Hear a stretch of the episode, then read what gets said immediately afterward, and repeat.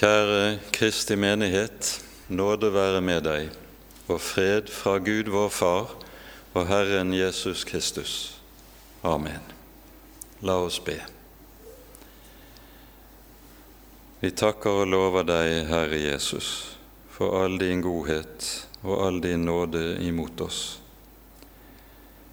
Du kom ikke til verden for å dømme verden, men for at verden skulle bli frelst ved deg. Vi takker og lover deg for at vi enda skal få lov til å leve i frelsens tid, og ber deg, Herre, at du vil sende din Hellige Ånd og la ordet ditt få gjøre sin gjerning hos oss, at vi må bli frelst og nå målet hjemme hos deg. Herre, kom, slik du har lovet. Amen. Det hellige evangeliet etter annen rekke for første søndag i advent står skrevet hos evangelisten Lukas i det fjerde kapittelet.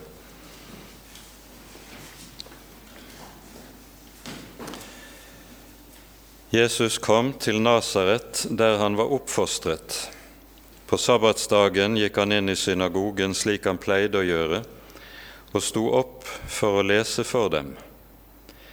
De ga ham da profeten Jesajas bok, og da han hadde åpnet boken, fant han stedet der det står skrevet:" Herrens ånd er over meg, for han har salvet meg til å forkynne evangeliet for fattige. Han har sendt meg for å forkynne for fanger at de skal få frihet, og for blinde at de skal få syn, for å sette undertrykte fri, for å forkynne et nådens år fra Herren.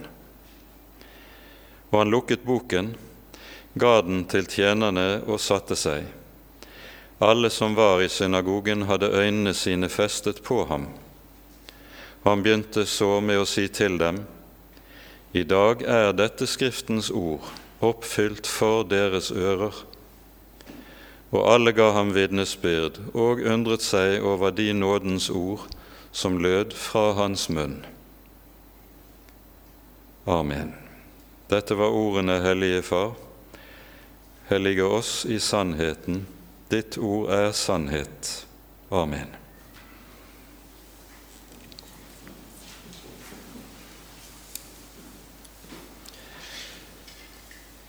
Med dagens tekst tas vi inn i det som kalles for Jesu programtale, som avholdes ved inngangen til hans offentlige virke. I to vers forut for teksten så står det at Jesus i åndens kraft vendte tilbake til Galilea. Når det står at han vendte tilbake, så henger det sammen med at han har vært i Judea. Han er, har vært hos døperen Johannes og blitt døpt av døperen. Og I forbindelse med dåpen hører vi hvorledes himmelen åpner seg, og Ånden kommer ned over ham som en due. Deretter føres Jesus umiddelbart ut i ørkenen for å fristes av djevelen. Og det er etter dette at vi nå hører at Jesus vender tilbake til Galilea i Åndens kraft. Han er salvet med Den hellige ånd av døperen ved Jordan.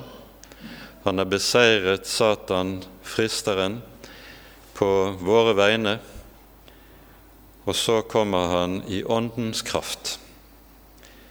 Det Jesus gjør ved innledningen til sitt offentlige virke, det er at han oppretter sitt hovedkvarter i Kapernaum.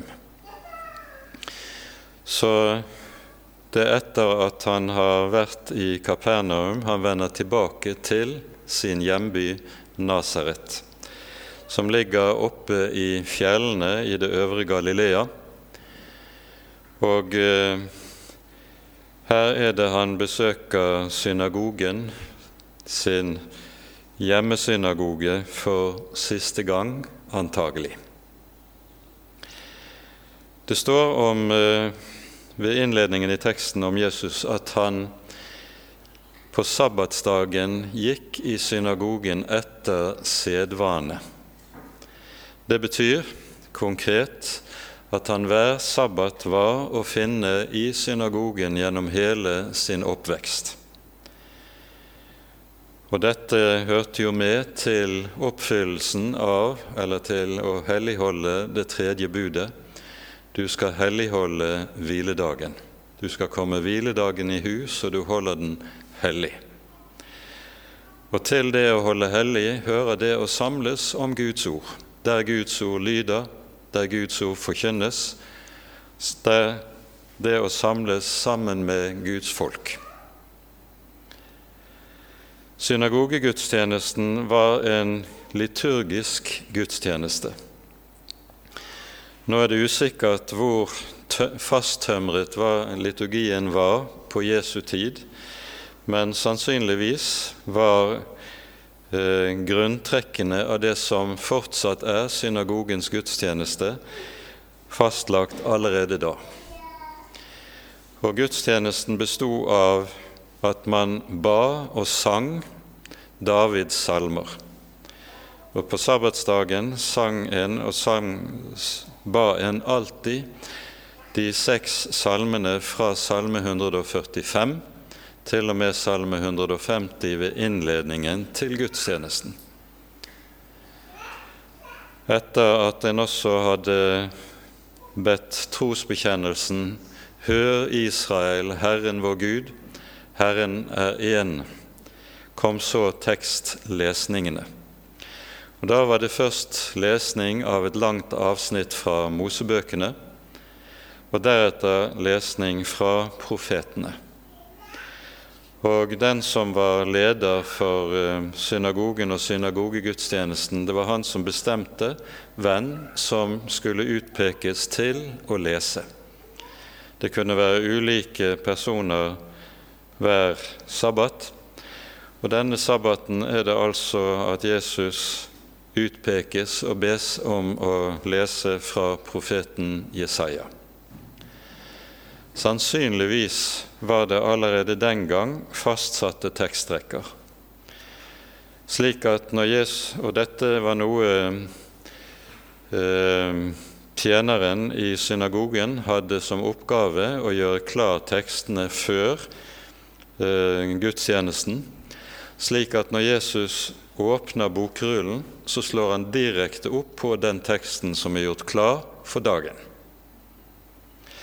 Og hvis det var slik den gang som det er i dag, at det var lesning fra profeten Jesajas 61. kapittel, så var det den I dag er det dette lesning som hører til den store forsoningsdagen.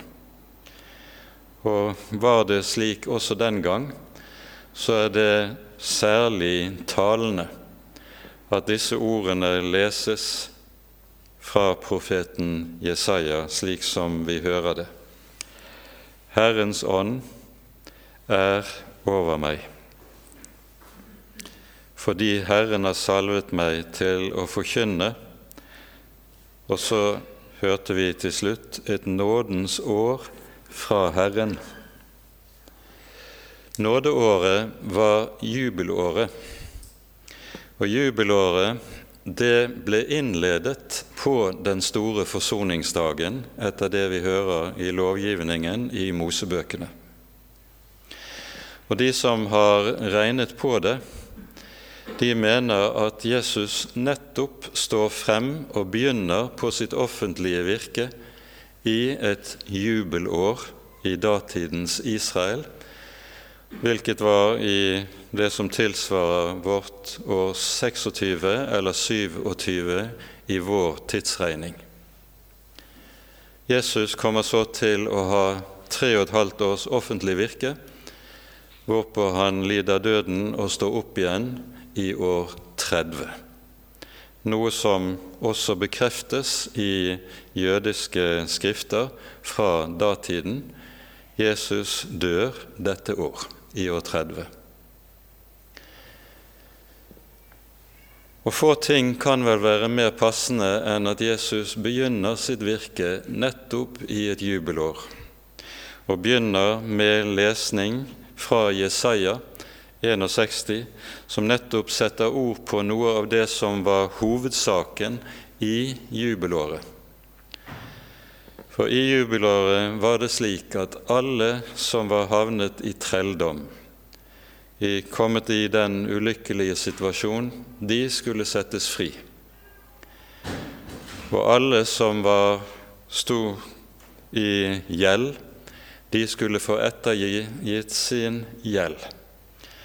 Noe som alt sammen er av grunnleggende bilder på det som skulle være frelsens grunnleggende gjerning, det som skulle kjennetegne Guds rike når Guds rike kom. Når Jesus står frem med sin offentlige forkynnelse, så lyder det:" Himlenes rike er kommet nær. Omvend dere og tro evangeliet. Og himlenes rike er kommet nettopp i Jesu Kristi person. Det er i og med ham Guds rike kommer. Og nå er det han trer frem, og så møter vi programtalen fra profeten Jesaja.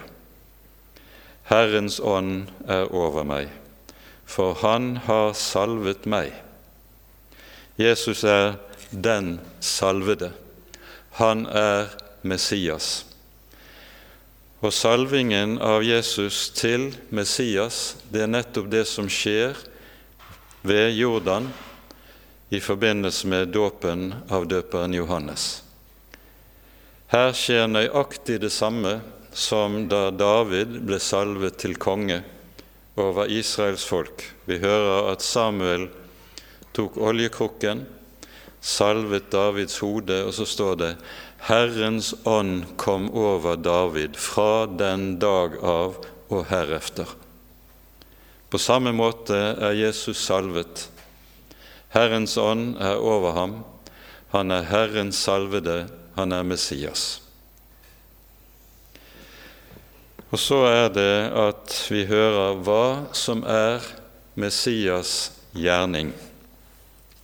Det sies han har salvet meg til å forkynne evangeliet for fattige. Han har sendt meg for å forkynne fanger at de skal få frihet, blinde at de skal få syn, for å sette undertrykte fri. Alt sammen slikt som på forbilledlig vis gis i forbindelse med jubelåret, for å forkynne et nådens år fra Herren. Han har salvet meg til å forkynne evangeliet for fattige. Og så hører vi Jesu tale. For det var i synagogen akkurat som hos oss, at når tekstene var lest, så ble det forkynt over dagens tekst. Og det som var skikken den gang, det var at en rabbiner, når han skulle undervise menigheten, så satte han seg.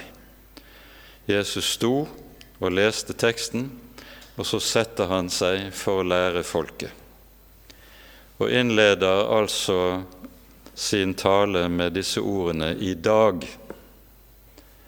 er dette ord oppfylt for deres ører. Legg merke til at Jesus sier ikke 'for deres øyne'. Han sier 'for deres ører'. For poenget er nemlig at i det som Jesus leser fra profeten Jesaja. Her tales det om hva Messias ord skal bære med seg. Han har satt meg, salvet meg, til å forkynne evangeliet for fattige, forkynne for fanger at de skal få frihet, og blinde at de skal få syn, for å forkynne. Poenget er ordet i Jesu munn er det som gi setter i frihet, løser den bundne, gir blinde syn, og skaper nådens ord. Derfor er det at Jesus sier i dag er dette ord oppfylt for deres ører. For det er med Jesu ord at alt utføres i Herrens rike. Derfor er det at vi eh, f.eks. leser i Johannesevangeliets åttende kapittel når Jesus sier For da Sønnen frigjort dere, da er dere virkelig frie, så innledes dette med Den som tar vare på mine ord, han er i sannhet min disippel. Og dere skal kjenne sannheten, og sannheten skal sette dere frie. Hva slags frihet er det Jesus setter mennesker i? Frihet fra synden. Synden slik som den forkynnes, det forkynnes om vår synd i Skriften, så er synden en makt som har herredømme over oss, og som ingen av oss kan fri oss fra ved egen hjelp, ved egne krefter, ved egen innsats eller viljeanstrengelse. Det er en frihet som må skjenkes og gis av Han som har overvunnet syndens makt og herredømme. Han er den eneste som kan gi denne frihet. Og der mennesket fris fra syndens herredømme, der fris mennesket også fra dødens herredømme og fra djevelens herredømme. Og dette er den frihet som kalles Guds barns herlige frihet i Den hellige Skrift. Det er den frihet Jesus kommer for å sette oss inn i. Og nettopp dette er det at profeten Jesajas taler så rikelig om i disse kapitlene som vi har i Jesajas bok for ordene som lyder fra Jesajas 61. kapittel. Det er like som ord som sammenfatter i en sum, samler opp i seg i en kort sum, det som Jesaja tidligere har talt og forkynt om Messias gjerning, og hva denne gjerning hviler på. Denne delen av Jesaja-boken innledes med ordene 'Trøst, trøst mitt folk'. Tal vennlig til Jerusalem. Rop til Jerusalem at et strid er endt, at et skyld er betalt, at det av Herrens hånd har fått dobbelt for alle sine misgjerninger. Når det sies 'tal vennlig til Jerusalem', så står det egentlig i grunnteksten 'tal til Jerusalems hjerte. For det er det Jesus gjør når han forkynner evangeliet. Så taler han til det forferdede hjertet. Og Dette er jo noe av det som går igjen i, hos profeten Jesaja når det taler om Herrens gjerning. Vi innleder vår gudstjeneste med å sitere fra ordene i Jesaja 57. I det høye og det hellige bor jeg, sier Herren, og hos den som er sønderbrutt og sønderknust av hjerte, for å gjøre de sønderknustes hjerte levende igjen. Og I Jesaja kapittel 66 leser vi slik.: Så sier Herren, himmelen er min trone, og jorden en skammel for mine føtter. Hva slags hus kunne dere bygge meg, og hvor skulle det finnes et hvilested for meg? Alt dette har jo min hånd gjort, og slik ble det til, sier Herren. Men den jeg vil se til, er den elendige, og den som har en nedbrutt ånd, og som er forferdet over mine ord. Tenk det. Han som troner i det høye og det hellige, er den som bøyer seg, bøyer seg ned i det dype, for å ta seg av de små, de elendige, de hjelpeløse, de som vet de er ute av stand til å hjelpe seg selv. Han bøyer seg ned. Og nettopp dette er Kristi person i en sum. I Kristi person er det den levende og allmektige Gud, som har skapt himmel og jord, universet med hele dets fylde, bøyer seg, bøyer seg ned til oss, bøyer seg ned til den som er og bor i det lave, for å frelse, for å sette fri, for å løse, for å gi liv og håp. Det er hans frelsesgjerning. Og I disse kapitlene hos Isaiah hører vi også at denne hans nedbøyelse Det koster ham usigelig mye. Han er såret for våre overtredelser, knust for våre misgjerninger. Straffen lå på ham for at vi skulle ha fred, og ved hans sår har vi fått legedom. For at du og jeg skulle få frihet, så ble han bundet. Det er det som bokstavelig talt skjer i Getsemane. Han bindes for at du skal bli fri. Han bøyer seg ned for at du skal få opphøyes ved Hans store og usigelige godhet. Dette er Hans gjerning, og slik er det Han tar seg av sine når Han kommer til sitt hus. Det er flere tekster hos profeten Jesaja som understreker med stor styrke Messias utrustning med Den hellige ånd. Han er den salvede. Og I kapittel 42 hører vi det sies slik Dette siteres i Matteusevangeliet i det tolvte kapittel. Se min tjener, sier Herren, som jeg har utvalgt, ham jeg elsker og som min sjel har velbehag i. Jeg legger min ånd på ham, og han skal forkynne rett for hedningefolkene. Han skal ikke trette og ikke rope, heller ikke skal noen høre hans røst på gatene.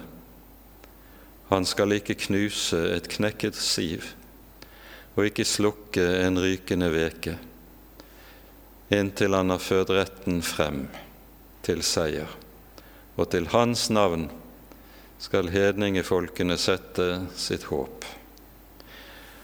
Og så vet du ut fra dette at der den som opplever og vet med seg selv han er knekket, livet har knekket ham, da har du i Kristi person funnet den rette mann som tar seg av den som er knekket. Den som føler at livet sitt er som en rykende veke, lyset er slukket ut. Du skal vite at i Jesus har du den rette mann. Han er nettopp kommet for å ta seg av slike som deg. Det er hans gjerning, det er hans vei, det er det han er satt til da han kom.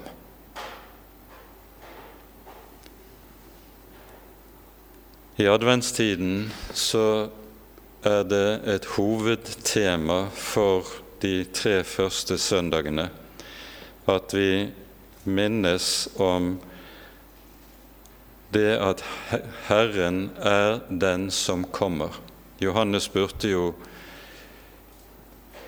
er du den som skal komme, eller skal vi vente en annen? Den som kommer, er en av titlene på Messias. Og så er adventssøndagene inndelt på en slik måte at første søndag i advent skal minne oss om Han som kom, og peker frem til julen og inkarnasjonen. Annen søndag skal peke frem mot Han som skal komme. Jesus kommer tilbake. Tredje søndag i advent peker på Han som kommer i Ordet, like som dagens tekst også gjør det.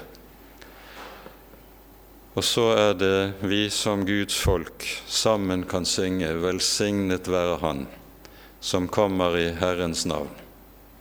Slik sang de på palmesøndagen.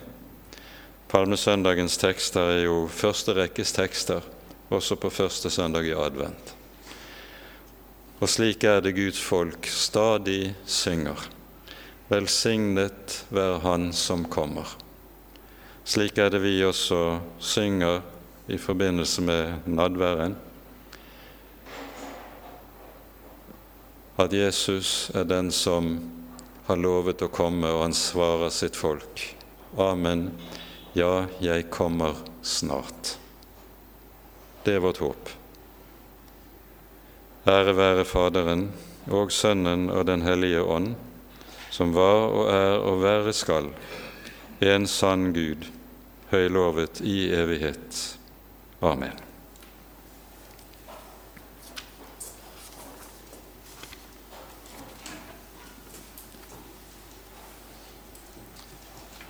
Vi synger så salmen på nummer én i salmeboken 'Folkefrelser til oss kom'.